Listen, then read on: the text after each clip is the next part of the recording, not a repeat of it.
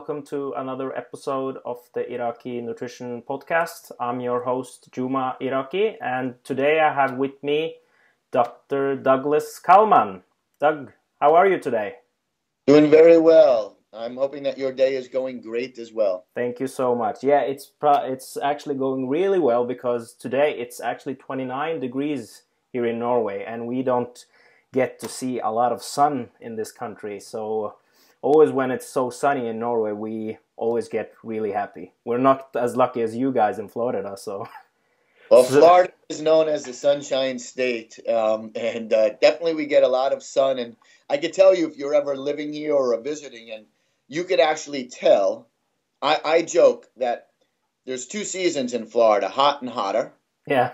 And and but you could tell. I say, oh, the sun has been turned on. Like you could tell when it's turned summertime, like the hotter portion, because it'll be 6 a.m., 80 something degrees outside, so 25, 30 degrees Celsius, and same thing at 11 p.m. at night.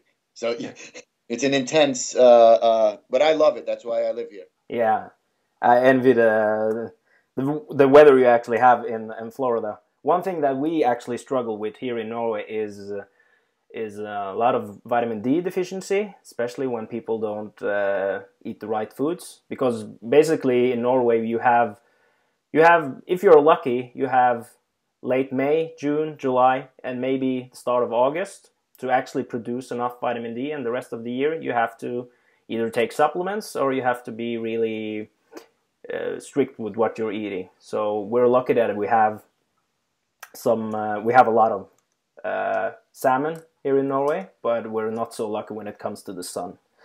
Well, so, you know, let's not underestimate. I know that's not the topic of the day. Yeah. But one of the one of the projects I was working on recently was an analysis of, of vitamin D levels of uh, NFL football players. Okay.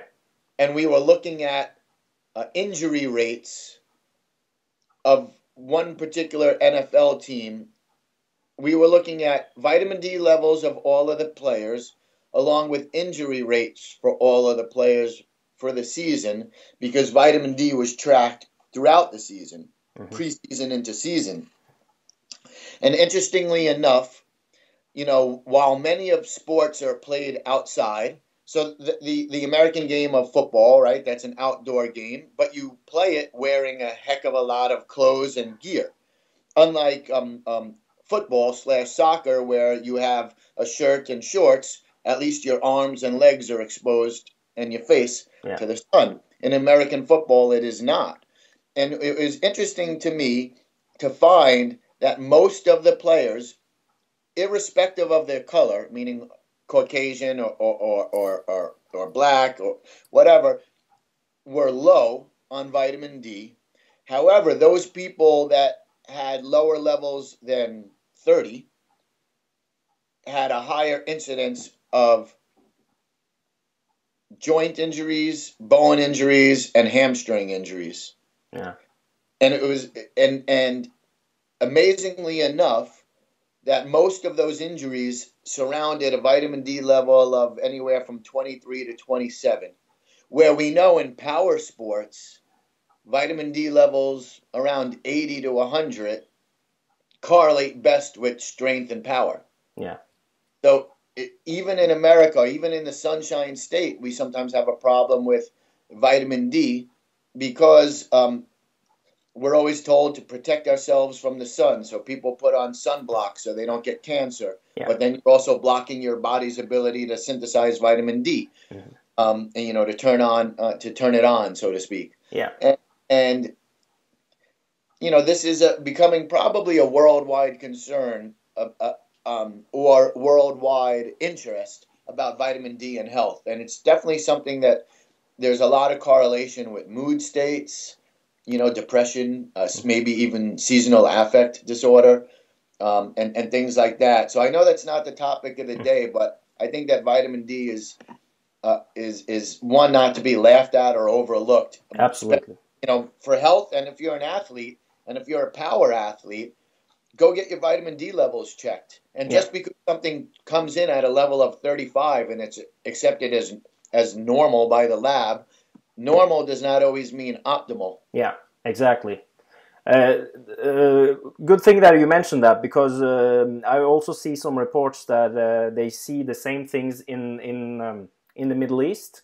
Like for example, in uh, the United States, uh, United um, Arab Emirates, they have a lot of sun, but they have a big problem with vitamin D deficiency, and it's probably because one, it's so hot that people try to avoid going outside, and number two, the the clothing that they wear there. So I've seen I've actually seen some levels people are down at 15, 14 sometime.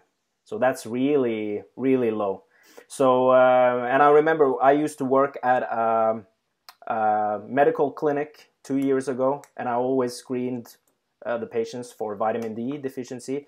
And uh, I would say that approximately 60% of the clients that I had, uh, uh, of the patients that I had in, were deficient in vitamin D because the system here in Norway is that from 50 to 150 is still the range that they want you in, but they they are um, last couple of years they've said that optimally it should have should be at least 75. So even if you're under uh, 75 and it's still in the range, it's probably not optimal.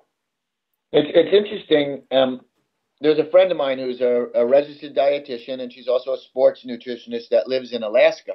Mm-hmm. And so, Alaska, you get plenty of sun, not really much heat, um, except for maybe August, September, you get some warmer months. But she has the athletes at the university walk around to teach them with a meter that you could put on your clothes that tells you how much vitamin D you're being exposed to at the moment. And so you could see, like, oh, you know that you need 20 minutes of exposure. Am I a minimum? Am I getting that kind of exposure? Mm-hmm. Um, I mean, all of these wearable technologies are are, cha- are hopefully changing for the positive how we can impact people and their health. Yeah. And if it comes to sports nutrition, people integrate with you know their Fitbits, their polar heart rate monitors. They integrate, you know, on their on the internet so they can get feedback from their workout along with upload what they're eating so they can track you know um, um, their progress or lack of yeah and, and um, the wearable technologies is really helping to change that and when it comes to dietary supplements and sports nutrition while they're not wearable they're part of technology food yeah. is technology if it wasn't we wouldn't always have advancements in food yeah you know, actually a whole field that you could get a, a, a PhD in food science. Yeah. That's technology.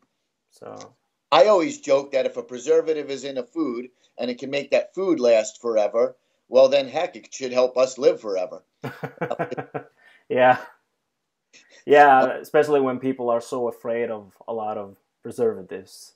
So uh, th- there's a lot of myth- myths there there are a lot of myths mm. and and and so we address one thing at a time mm. and, and, we address one concern at a time and i think that what you do is fabulous because yeah.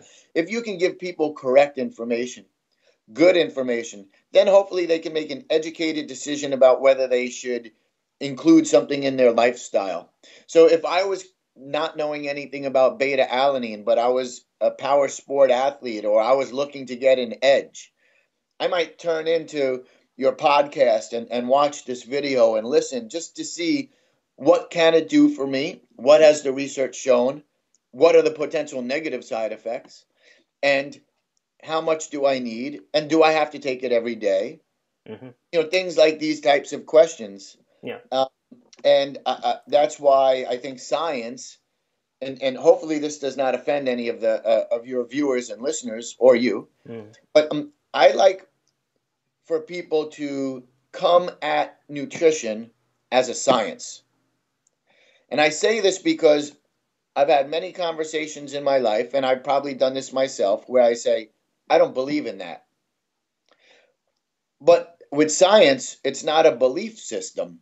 With science, you're supposed to look at the evidence, meaning published studies amongst the types of evidence, and you see where the preponderance is. So, so for example, if I looked at a hundred of this last, a hundred of the most recent studies on vitamin C and colds or flu, I would see how many of those studies showed an improvement in in um, or a benefit, and if there was less than 50, then the preponderance of the evidence doesn't show that it's worthwhile. It's sort of a mini way of doing a meta analysis, Yeah. getting an idea. And I bring this up because the word belief. Belief is something that you, again, if it offends somebody, my apologies. Belief is something more geared for like religion, you know, whether you believe in a God or not. And, and, and however, with nutrition, it's the same thing. It's it's a science. Our bodies ingest foods and break them down into smaller foods, into smaller chemicals, into smaller molecules, into the most basic molecules, and some of them we excrete out, and some of them we keep. Yeah. And the science is learning how to optimize that, learning what the body really needs, learning what benefits the body under what conditions. Like nobody would ever think that beta alanine is an antioxidant, but it has antioxidant effects. It's not a traditional antioxidant like a vitamin C or a vitamin E um, or, a carotenoid, but it is an antioxidant. It has antioxidant effect because it reduces oxidative stress, and that oxidative stress that accumulates on- in, in a cell causes cellular membrane disruption, which adds to cellular fatigue, which negatively impacts somebody's ability to do high energy output, what beta alanine helps you with. So there are, you know, many other things to discuss. So I'm just um, uh, caffeinated, and I'm, I'm happy to be on this, uh, you know, uh, with you. And I, I think that, um, you know, it's the one thing I share before we move on is I often get emails or phone calls or people that approach me in either the classroom or approach me in, in let's say one of the gyms when I'm working with some of the athletes that we work with and say, Doc, Doc, I started taking this product. What is it good for? Yeah. And so I asked him, Do you always swallow a pill and then want to know what good it is or what bad it is? Like, and again, not to be rude, why are you being an idiot? Why take something? Like, my rule is have a goal, have an objective, and then define how you're going to get to that goal or objective. So if you told me that you wanted to be gain weight, well, that's your objective to gain weight. And hopefully you're saying you don't want to gain fat weight, you want to gain mostly muscle weight. Then we develop a strategy that helps you gain weight, whether it's eating extra calories and moving less, or whether it's changing the macronutrient ratios and adding some extra calories and changing nutrient timing, things like this. You know, there's a lot of little steps, but you have to have a strategy. So when somebody says to me, I'm taking this, I'm taking this, what is it good for? I say, What's your strategy? What are you hoping for? Why buy something if you don't know what it does for you? Yeah. Like, do you ever go to a gas station and just say, What the heck? My car doesn't take diesel, but I'm going to put diesel in my car just to see what happens. Yeah. Don't do that. Yeah. You Exactly. know? So, um, I know that's off topic, but I'm very passionate about have a specific reason and a purpose for what you're doing. Yeah. Just don't do it because you saw an advertisement at a, you know, some, you know, mall, or you were on some website, or your local friend, you know, with that has a six pack of abs says that's what he or she does.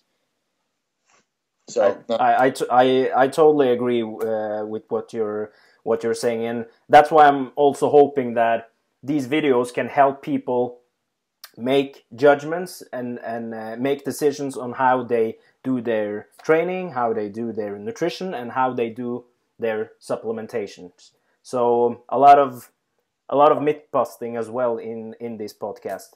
Okay, so um, today's topic is, as you've mentioned, um, beta alanine. We're going to talk a bit about beta alanine, but um, you clearly had a lot of knowledge. So before we start, could you give us a short introduction, Doug, about yourself? Yes. Um, prior to my short introduction, we do have a plug. Yeah. And this plug is for a recent book that the International Society of Sport Nutrition uh, came out with. Part of my introduction is uh, I am a co founder or was a co founder of the ISSN and was one of the editors of this book, Nutritional Supplements in Sport and Exercise. This book came out in the year 2015. Springer is the publisher. They publish around the world. It's a book that I highly recommend if you want an academic understanding of exercise nutrition and sports nutrition, along with reviews of U.S. law, EU law, and and and um, various dietary supplements and the studies and, and and sports psychology as part of it too. So, thank you for that. Um, my name is Dr. Douglas Kalman. I'm a sports nutritionist and a, a, professor. I teach at Florida International University. I run the sports nutrition program for our, our 18 athletic teams at the college. I also run sports nutrition for a professional mixed martial arts team known as the Black Blackzilians. Some of you uh, listening and watching may know if you watch any of the UFC some of the people like Rashad Evans, um, Vitor Belfort, um, Anthony Johnson, Stefan Struve. Um, excuse me, we have worked with another great gentleman from your area, uh, Robin van Roosmalen, uh, who's a great glory fighter who's now coming over to MMA. Been working with him. Matter of fact, he has a fight coming up, I believe, next week. Um, and you know, amongst many of those others. Uh, I have been working in nutrition, um, both research and pa- research, patient care, and sporting for over 20 years. Research, I started out actually in a laboratory of genetics and metabolism, doing everything on the analytical side. I had to learn how to run every different analytical device that you could think of, from HPLC to FPLC to um, uh, you know all the different types of pheresis um, some nuclear imaging, some nuclear tracing, how to run tracer studies, and all of that. That was a great experience. I also worked for a number of years in oncology or cancer. One of the things I did at Memorial Sloan Kettering Cancer Center was come up with a, a program for patients that were treated for cancer now were done with treatment but had changes in their body that they didn't like they had fatigue they didn't like and and we came up with a program that that actually became a book and is adopted in many different hospitals now in New York City for that. So I'm very proud of that background that I've had. And matter of fact, while I was working in oncology, I used to take care of any of the professional athletes that would come into the hospital that had cancer, whether it was a famous runner, baseball player, fo- American football player, and, and or actor and actress, uh, anybody that was physically active. And probably about 16 years ago, I moved to Florida to work in a, a, research laboratory and to teach at the university and to work with the athletes that I do. So I feel blessed and I, I welcome this opportunity to share um, my experience and knowledge. Wow, that was that's that's really impressive to to hear. So uh, so um, hope one day I'll have as much experience as you have uh, you have had. Uh, I, have been fortunate. I've worked five Olympics, um, three Summer Olympics, two Winter Olympics. I have the upcoming Rio Games this summer. I have track and field athletes that are in. I have track, field, tennis, swimming in, in the Summer Olympics, and um, which I feel blessed. Some of the Olympics I go to, some of them I don't. Some of the national championships I go to, some of them I don't. For example, this Friday I have a, a boxer that's fighting for a world uh, lightweight championship televised on American TV. I'll be there. What I do with him is help him during his last two weeks of weight cut, you know, to make weight, make sure he's doing it safely and, and on target and things like this. Yeah. So, um, yeah, I, am fortunate and, and I'm happy for what I do. And that's why I feel it's our job to help give back. So we can help give back both what we get as field experience along with the academic for real world application. Yeah, I tro- totally agree. Okay, so um, let's dive into the questions. So first off, what is if if you could explain what actually beta alanine is? Okay. Beta alanine is a compound that naturally occurs in the body, naturally occurs in muscle meats, if you will. Beta alanine is part of carnosine. They are not interchangeable. We use beta alanine so we can increase muscle carnosine levels. Beta alanine becomes as a dipeptide, alanine as an amino acid, the beta pleated form, gets bond to another amino acid known as histidine. And then you get beta alanine histidine, which is popularly known as carnosine. We call it beta alanine because it's probably easier. A marketer probably had the idea it's easier to say beta alanine than carnosine, and nobody, whatever, something like that. But beta alanine is a naturally occurring beta version of an amino acid, alanine, and you know alanine, I know alanine as the most gluconeogenic amino acid, right? Um, and, and, and it's used in, in, in, in um, many different cycles, the Cori cycle and others. But the beta form of the amino acid gets bonded to a histidine, which is another amino acid, to form a dipeptide. And that dipeptide is known as carnosine. It is your muscle levels of carnosine that directly indicate and affect your ability to have power. Not power here, but power here. And so, what we need to do is we use beta alanine as a way of increasing muscle carnosine levels. There are two ways of increasing muscle carnosine levels exercise, well, three ways really exercise, supplementing with beta alanine, and being a male. Hmm. Right? Men, men naturally have more carnosine than women, probably analogous to men naturally have more muscle than women, body composition wise. However, um, again, I am a registered dietitian who has a PhD in nutritional biochemistry, research in nutritional biochemistry. And the idea is we want to increase muscle carnosine levels because the muscular level of carnosine is directly related to your ability to have power output. So, interestingly enough, animals, and remember, humans are animals, we're mammals, right? Animals that have the ability to have prolonged, intense sprints, that's actually a power. If I ask you to go sprint 100 meters, right? Not walk it, but sprint all out, that's power output. Mm-hmm. And that power out while you're using the phosphagen energy system and other things, blah, blah, blah, that power output is directly related to your ability for carnosine. In fact, muscle biopsy studies show that sprinters have higher carnosine levels than marathon runners. Right? Which makes sense. If you're a marathon runner, you're running all day. You're not sprinting all day. You're running at whatever six minute per mile or, you know, um, um, pace. I'm sorry for not converting that into kilometer. I'm not that fast. Yeah. Um, um, but nonetheless, you get the idea.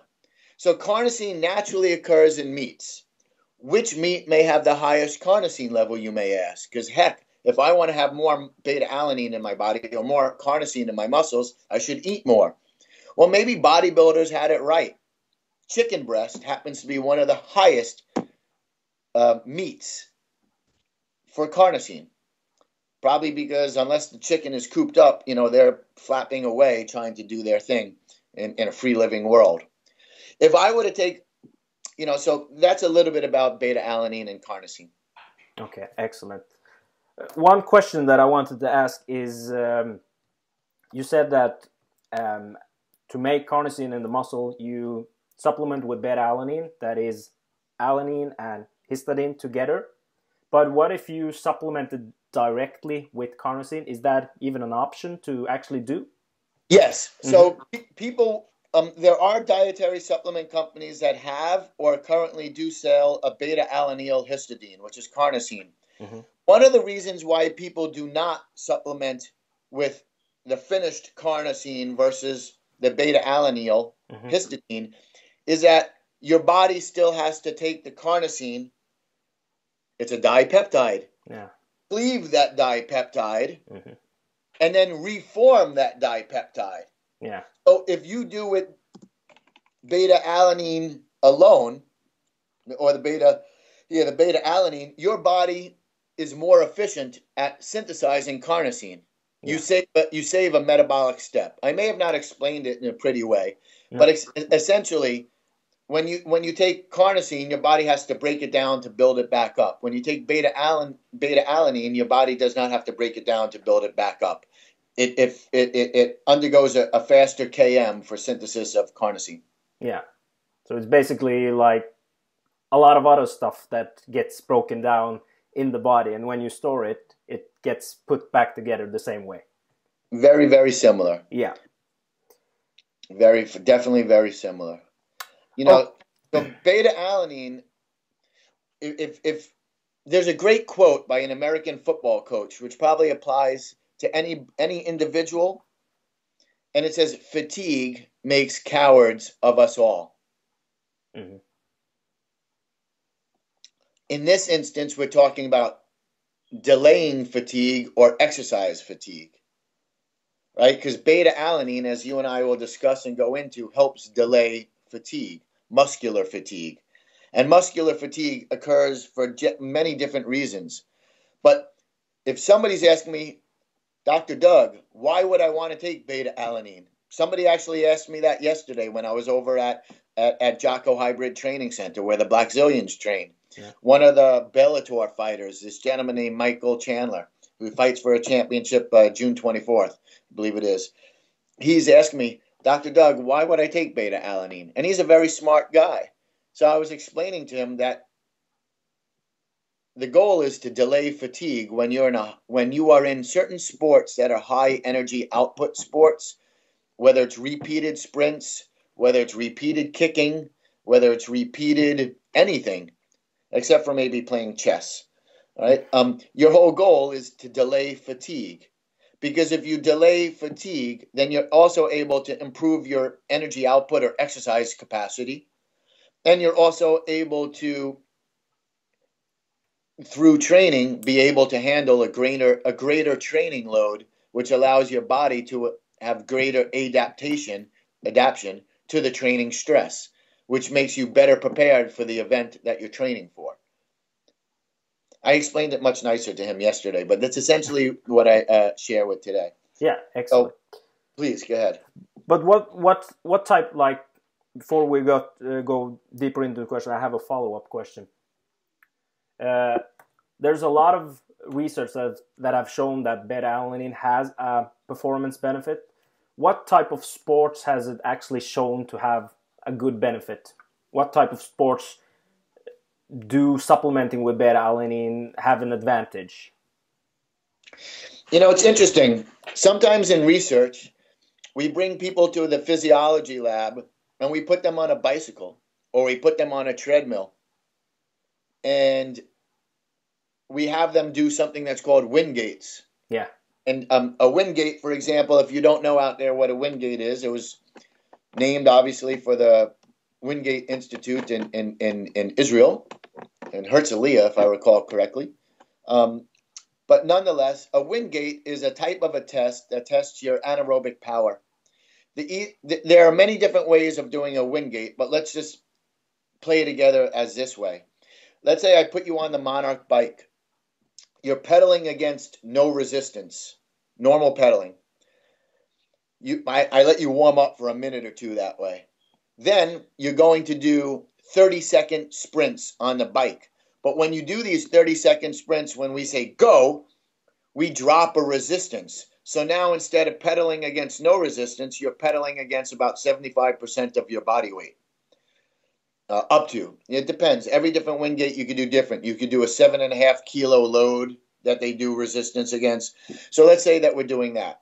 The idea is to see how many watts of energy you could put out in repeated motions over 30 seconds of hard work, and then you get a break, and then you repeat it, and then you do it. So some of the studies that we do in a in a physiology lab are not specific.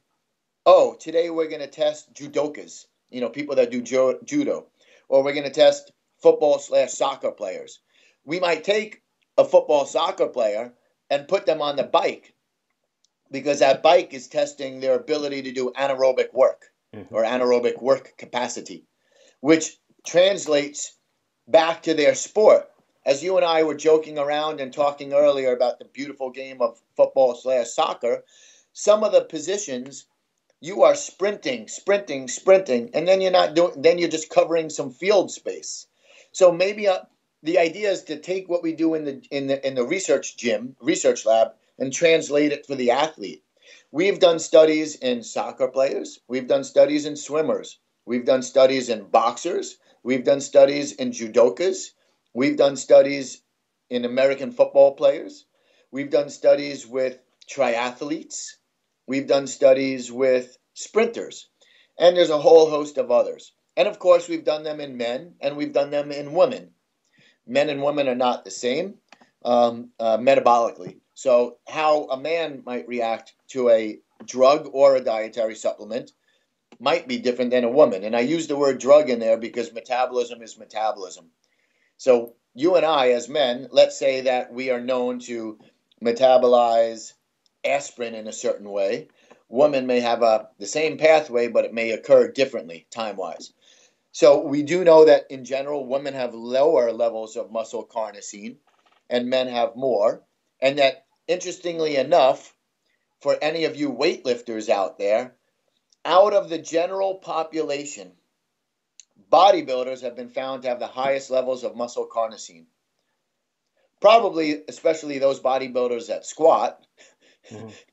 and and do real work, not the ones that do like five repetitions and then get off the bench and read their latest iMessage and then go on Facebook and then sit back, but the people that go to the gym to work. And so that's an example of exercise increasing carnosine levels and a type of a sport where having higher carnosine levels would give you better benefit. Yeah, if you have that type of training, because it's it's more likely that they have higher um, levels of carnosine because they do high repetitions than uh, what's what's if you compare it, for example, to a power lifter or a weightlifter, for example. But uh, you also mentioned something else with the bodybuilders, the the chicken, the intake of chicken. So a combination maybe of those two, or uh, what do you think? I would say maybe you know yes, the diet does play a, a, point, but we do know definitively people that engage in power sports. Mm-hmm. And again, power doesn't necessarily mean that you're yelling from the top of a mountain. It just means it's an explosive movement and it's for a short duration. Yeah. So again, I would argue that a power a, a sprinter is also a power sport. Mm-hmm. In American football, you might say the football linemen, the guys that block for the running backs, yeah. they have to get up out of their stance and explode for six to ten seconds at a time. That's a power sport and they have to do it repeatedly, sometimes 60 or 80 times in a game or more. Yeah. Same thing on the defensive side. The defensive line is exploding up and going forward. So, yeah, these are all of these different things for sure. Excellent. So, how would you like how would you supplement with with uh, with beta alanine? Is it similar to uh, creatine monohydrate that you have to do uh, loading phase and then you can go over to a, a lower dosage that you can use does it work acutely um, do you chronically have to use it these are all great questions and it seems universally from the research literature the total dosage per day of beta alanine to induce a positive benefit appears to be about six and a half grams per day or 6.4 grams. So anywhere from six to six and a half grams total of beta alanine per day. Typically, beta alanine in research and in real world is broken up into two doses. And those two doses are usually about a half of a teaspoon, which is about two and a half to three grams. A teaspoon generally holds five grams. So if, if you don't have something that's exactly a three gram scoop or a three gram pill, it's about a half of a teaspoon. And, and traditionally, this is taken, you know, 30 to 60 minutes prior to the workout, and the second dose is taken after the workout. Some people will take the beta alanine, mix it with creatine, and put it in their post exercise protein or their post exercise protein carbohydrate drink. Excuse me. Beta alanine generally comes in capsule form and powder form. I've not really seen it in other forms, but generally, um, uh, and food form too. We all eat chicken and we eat meat and we eat fish, and that all has beta alanine too. But you know what happens is when you ingest carnosine, there's an enzyme that circulates that's known as carnit, uh, carnosinase that breaks it down into the individual beta alanine and histidine. Mm-hmm. And then, of course, like we said earlier, it's got to be resynthesized. So those are the forms that it's typically taken. Again, let's for the take home, the dosage typically used is about three grams pre workout or pre training, and another three grams after training. I will tell you, and this part of my our conversation is not necessarily backed by science, but I, I have also observed athletes who use beta alanine consistently around the three gram dose only pre workout or only pre training, but consistently almost every day, and don't take that second dose after they're done training, yet still have benefit. Yeah. So, because um, the half life, meaning it clears out of your body very fast, mm-hmm. and that's one of the reasons why people take the extra beta alanine is so they can, that they can help increase circulating carnosine levels, beta alanine levels, and hopefully muscle carnosine levels.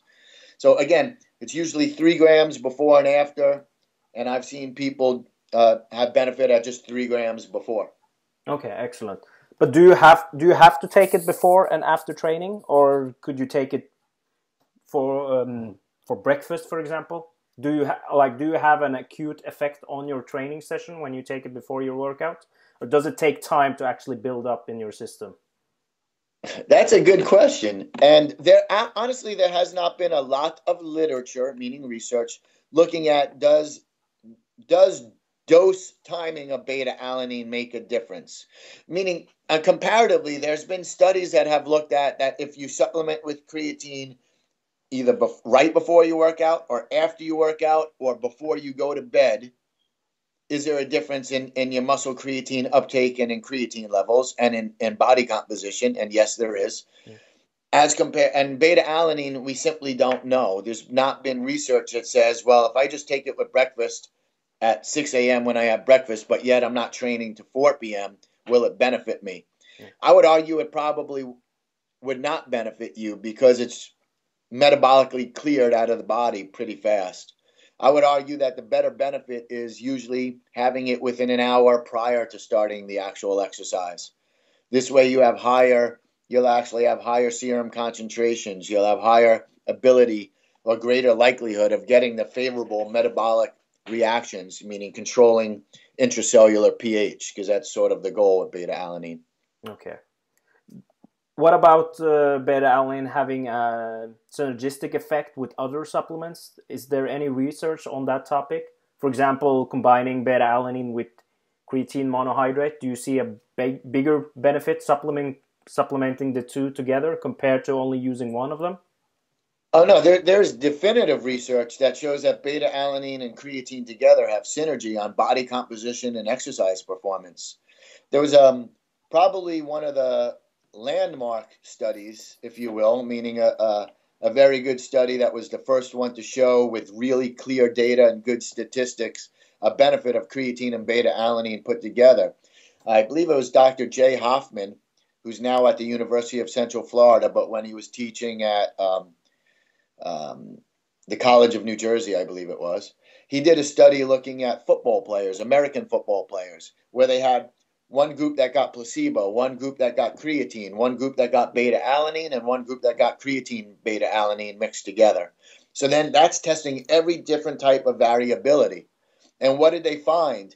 They basically concluded that those people that supplemented with creatine and beta alanine had enhanced potential for the submax exercise performance. Okay, and as well on their lactate threshold.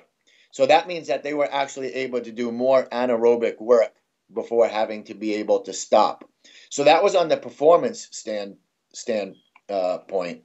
Interestingly enough, that those people that also had the, the creatine and beta alanine mixed together had a positive effect on body composition, meaning greater loss of body fat for some reason with beta alanine and creatine mixed together than either alone. It possibly could be that if you're taking a supplement and you're actually working as hard as you're supposed to, and that supplement is supposed to help you to be able to work harder, longer, that the reason for the positive impact on body composition, greater than creatine alone or beta alanine alone, was that you were able to do more work. So if I'm able to do more work, I'm able to oxidize more ATPs, I'm able to oxidize or beta oxidize more fat and burn more calories. So it sort of made sense to me. But again, what was really impressive was that also with the beta alanine and creatine, that the significant increase in upper body strength and lower body strength was better for those two combined than separate. Okay, interesting. So, so if I'm if I'm an athlete that's that, that is looking to gain some muscle, looking to lose a little fat, and also looking to have a higher metabolic output and have high energy for my soccer game slash football, for my MMA fight, um, you know, for if I'm doing other sports, and we'll get where these supplements play a part in other sports, you know, that's something that I'm interested in. If I could just go for one other second on a different topic for a second. Yeah. It used to be that creatine was only for people involved in anaerobic sports, right? Mm-hmm. People mostly it used to be that creatine was only used by weightlifters for the predominant part. And then research started looking at different athletes that do sports that have an aerobic segment and an anaerobic segment. And why would it matter? And I'll give you an example. There's been some real good data, some decent studies that have looked at marathon runners mm-hmm. and creatine supplementation. And generally, since creatine is um, used to help replete, you know, uh, ATP, the, the, the, the, phosphate groups that are used when you go from ATP to ADP to AMP, you have to rephosphorylate. So that phosphate comes from somewhere. It comes from phosphocreatine. So when you creatine supplement, you help slightly increase your stores of that. So you get higher turnover or faster turnover. Found, now going back to the studies, found that the benefit to the marathon runners occurred when they had to do or occurred over the sprint that they do at the end of the race, which is totally anaerobic. I've ran 26 miles and now I see the finish line because I'm 0.1 miles away. Sorry for not doing it in metric. That I'm able to sprint all out. And they've even seen the same thing with other similar types of sports where you where you where you do interval. And even a, like I've run I've run about 15 marathons myself, full marathons, and I've run, I'm sorry, I got that backwards. I've run eight full marathons and 15 half marathons. And one of the ways that I learned to lower my marathon running time was sort of to run in intervals. I would run harder, faster for a time period, and then I would cut back a little bit. Run harder, faster for a time period, then I would cut back. I uh, honestly actually cut off, cut out slightly, cut down slightly, uh, a little under an hour off of my marathon time by by doing interval training for my marathon, and and interval running throughout the whole marathon. Wow. And my point was, what would help with those intervals? My ability to have high energy. Beta alanine. This comes back to beta alanine. Because beta alanine's major role is to lower or to fight the local acidification that occurs in your muscles. When you exercise at a high intensity, whether it's 20 repetitions on the bench press, whether it's a 30 punch com- combination over 12 seconds, or whether it's 10 kicks, or you're just repeatedly doing a lot of soccer kicks, you're practicing your corner kicks, and you're going kick, kick, kick, kick. Your ability to produce that energy repeatedly is greatly impacted by the pH level of what's happening inside your cells. We have all heard of metabolic acidosis, respiratory acidosis, things that you don't want to be in, things that end you up in an ICU unit in a hospital. But when you exercise, you also get local muscular acidosis, and that's when the the accumulation of ions and the accumulations of organic acids, including lactic acid, accumulate so much intracellular that it disrupts your body's ability to do another repetition, to form another contraction. And this is why you can't we don't have the same high energy output over time. Beta alanine actually helps slow the accumulation of all of those acids and ions, delaying fatigue, allowing you to maintain that higher energy output. And when you have higher levels of carnosine in your body and beta alanine, your ability to repeat that high energy output is there. Hopefully that didn't go too off course. And, no, and no, no. That was that was that was excellent. It's great that you um, explain more deeply so people actually understand what's what's uh, what's going on. Uh, a common a common side effect from um, from beta alanine, if you take a high enough dosage, is that you feel a tingling sensation, some some itching sensation in the skin. Um, could you explain a bit about what's what's actually happening in the body when you supplement with beta alanine and experience this this effect? And is it is it uh, is it dangerous? Great question. Um, so for those of you that do not understand what we're talking about beta alanine can cause is what's known as a vasodilator that means it helps open up your blood vessels and it's not that it's opening up your blood vessels in your carotid artery. It's helping to opening open them up in your periphery. And your periphery, if you need it explained to you, will be your extremities, your hands, your feet, your elbows, your knees, your ear, things that don't get a lot of blood flow going through them. So if I vasodilate, I'm not only opening up the area to more blood coming in, but also what's inside that blood oxygen, beta alanine, and a few other things. And it's well known that vasodilation can cause tingling, a tingling sensation, a burning sensation, and or an itching sensation. And so if any of you out there have ever taken the B vitamin nicotinic acid, which is one of the two forms of niacin, nicotinic acid does this same effect, but very in a stronger way faster, stronger, harder, longer. So, beta alanine, one of the potential side effects when you take beta alanine on an empty stomach, or even if you take it with food, and taking it either way does not hamper its ability to be absorbed. Taking it with food reduces the chances that you will, will experience a paresthesia. And paresthesia is just basically you get a little bit of burning, a little bit of stinging, stinging, and a little bit of tingling in your periphery. It, it's not harmful. It feels weird, but it's not harmful. You may even turn red and get flushed. Somebody might come to you and ask you, Did you put on new makeup? And the answer is, it goes away after about 15 or 20 minutes. It's uncomfortable.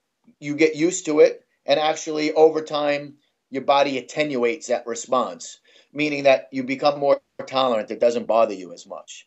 And what I say to people is one way that you can tell, it's not foolproof, but one way that you could tell that you're getting the actual product that you're buying, besides that you are, are assuming to trust the people that you buy products from, is that if you do experience the tingling, the sensation, the changes that occur after within 15 20 minutes of the beta alanine, you know that your body's absorbed it because that that is a sign that it's actually having a metabolic and a physiologic effect.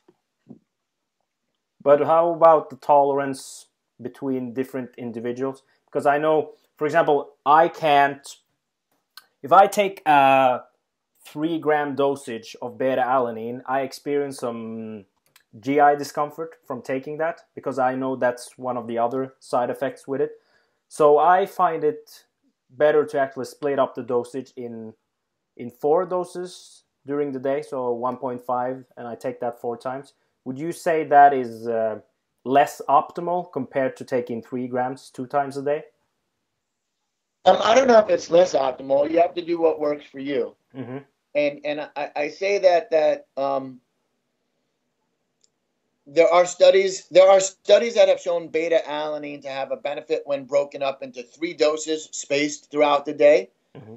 and there are studies that have shown benefit for beta alanine taken two doses per day.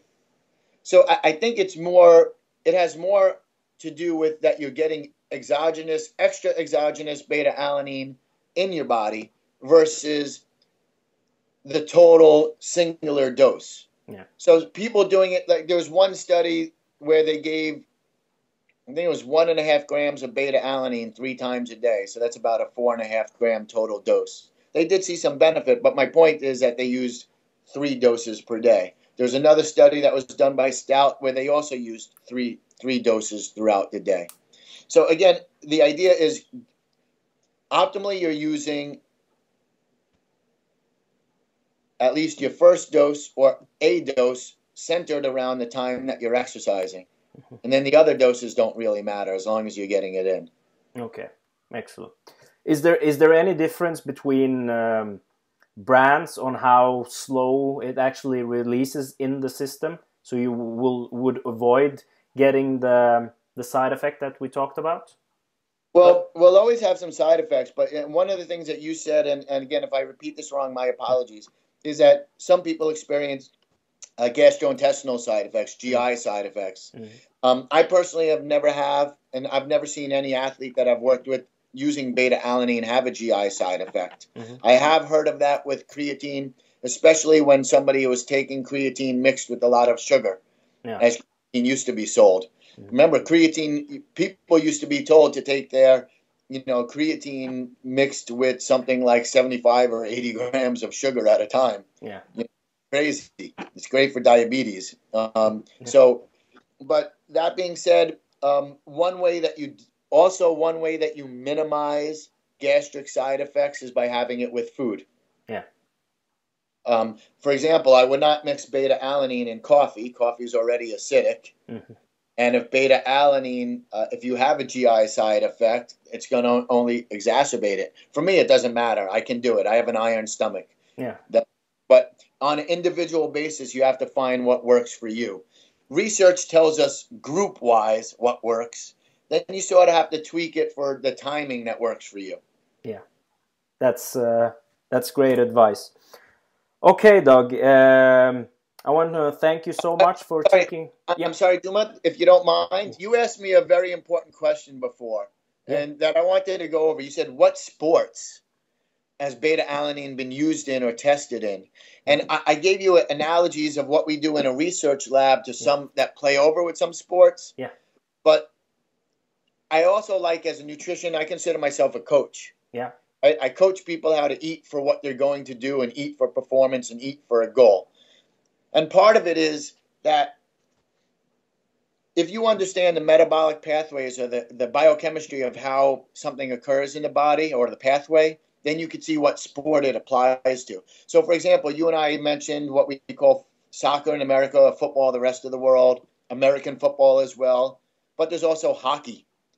There's also basketball. Why? Those are stop and go sports. Stop and go, stop and go, stop and go. That's all explosive you know, the, in general, and I don't think it's really changed, when you look at team sports um, and you look at sports, you even have skiers. You even have you know, some of those skiers that do multiple runs. Um, I go back to hockey because hockey players are known to have the highest VO2 of any of a, any team sport. But and why? Because they basically do intervals. They have two minute shifts usually on the ice. It's two minutes of skating, two minutes of rest. Two minutes of skating, two minutes of rest. So um, those people that do cycling, those people that do rowing, one, uh, Dr. Jose Antonio, the CEO of the International Society of Sports Nutrition, is very into paddleboard races, stand-up paddleboard. Yeah. Well, his his he actually challenged a bunch of us to join him in a 12-mile paddleboard race. Um, so so that's you know twelve. That's twenty kilometers. Mm-hmm. That's a lot of power you have to output to cover twenty kilometers. Beta alanine would have some benefit for part of that. Yeah. Creatine would have some benefit for part of that. Water and food would have some great benefit for part of that. So I wanted to really share with you that for our listeners and, and people watching, beta alanine not will only be able to help you do more in a gym, but the, also helps you to get to your goal. And the understanding is have a goal and then have a strategy to get there. Yeah, excellent. Uh, one thing that I also wanted to mention is that um, I've looked actually, I've heard some uh, speakers that have actually worked with a couple of soccer teams in in uh, in England. So they work with with the Premier League soccer players, and uh, I was actually surprised when they mentioned that the type of supplements that I actually use is creatine, uh, caffeine, beta alanine, uh, and they also use like carbohydrates and protein powders as well. But one one of them that I was surprised about was actually the extensive use of uh, of beta alanine in in uh, in those sports because typically when when people talk about beta alanine, it's been geared towards more like combat sports. That's what people are familiar with. And uh, like uh, short distance or uh, middle distance runners like 400 meters or 800 meters. But i can see the the benefits like you mentioned in in those type of sports especially ice hockey. How many minutes do you actually stay on the ice when you play ice hockey? It's around four, 14 minutes total or 16 minutes total during a game it, it depends upon which line you're which line you're in but mm. it, it, can be as it can be 24 yeah. minutes or so. Mm. Um, the other thing I wanted to mention to you, because there might be one of these in, in your audience, mm. is the people with the lowest levels of muscle carnosine naturally walking around mm. are vegetarians and vegans. Yeah. So if you are a vegan athlete and you want to be a power athlete, or if you're a vegetarian and you want to be a vegetarian bodybuilder, you are already walking around with lower muscle carnosine levels and lower creatine levels. Yeah vegans and vegetarians actually respond the best to, to beta alanine as well as to creatine as compared to meat eaters. Yeah. You know, so it, it's something to to take uh, to to not forget. You know. Absolutely, that's uh, that's a great point. I think they actually do um, because some of the studies, when you look at, for example, creatine, they they make a make a deal of actually mentioning that the, none of the participants were actually vegetarians or vegans because they know that they usually have the highest effects when they supplement with creatine. It's very, very, very true. And again, I'm, I'm also looking at some data while we're talking here that shows as little as 3.2 grams, or let's just round it to three, mm. as little as three grams a day, just taken once a day. Will increase muscle carnosine levels by almost 65% alone. Yeah. If double the dosage and took it twice a day, it increases muscle carnosine by about 80%. So you're only about 20% more than just taking it once per day. So even if you're only taking the, the carnosine beta alanine once per day, you are still getting benefit. And even if you're only doing that 3, 3.2 gram dose, you don't need a heck of a lot. And it's an underappreciated dietary supplement for sport performance. Absolutely. All right, Doug. Uh, thank you so much for taking the time to do this great podcast on beta alanine. Um, where can people find more information about what, uh, who you are, and and what you do? Well, thank you. Um, well, first, I would like to invite the audience to go to the website www.theissn.org, which is the International Society of Sports Nutrition's website. On that website, you, you'll see um, various pull down menus, and amongst the, the, the pull downs, if you will, are conferences. And the ISSN puts on joint conferences and, and solo conferences around the world. We just had one in London. We have another one coming up, I believe, in Ireland. We have one next week in Clearwater, Florida, the annual conference where we have people coming from 50 different nations, which is awesome. And uh, again, um, there's other materials there. There's also the journal jissn.com, which is a, a, National Library of Medicine indexed journal. That's the only journal in the National Library of Medicine that's dedicated solely to sports nutrition. There are other journals that cover aspects of sports nutrition. This is the only indexed highest impact factor journal only on sports nutrition, and so and it's free um, um, to read. Um, so I ask people to go there, and then a little bit about me more if you're interested in the mixed martial arts world, you can see blackzilians.com for, for the MMA team that I work for. And I, I have to thank you for the time and, and thank you for helping me enjoy again what it is that we do, translating science to useful information that can help another person get to their goal. Excellent, Doc. Uh, thank you so much. Once again, thank you so much for for taking the time after, out of your busy schedule to do this podcast. And I hope people find uh, this podcast as enjoyable as I have done today. thank you again so much. Okay. Have a nice day, Doug, and talk to you soon. Take care. Bye bye. Bye bye.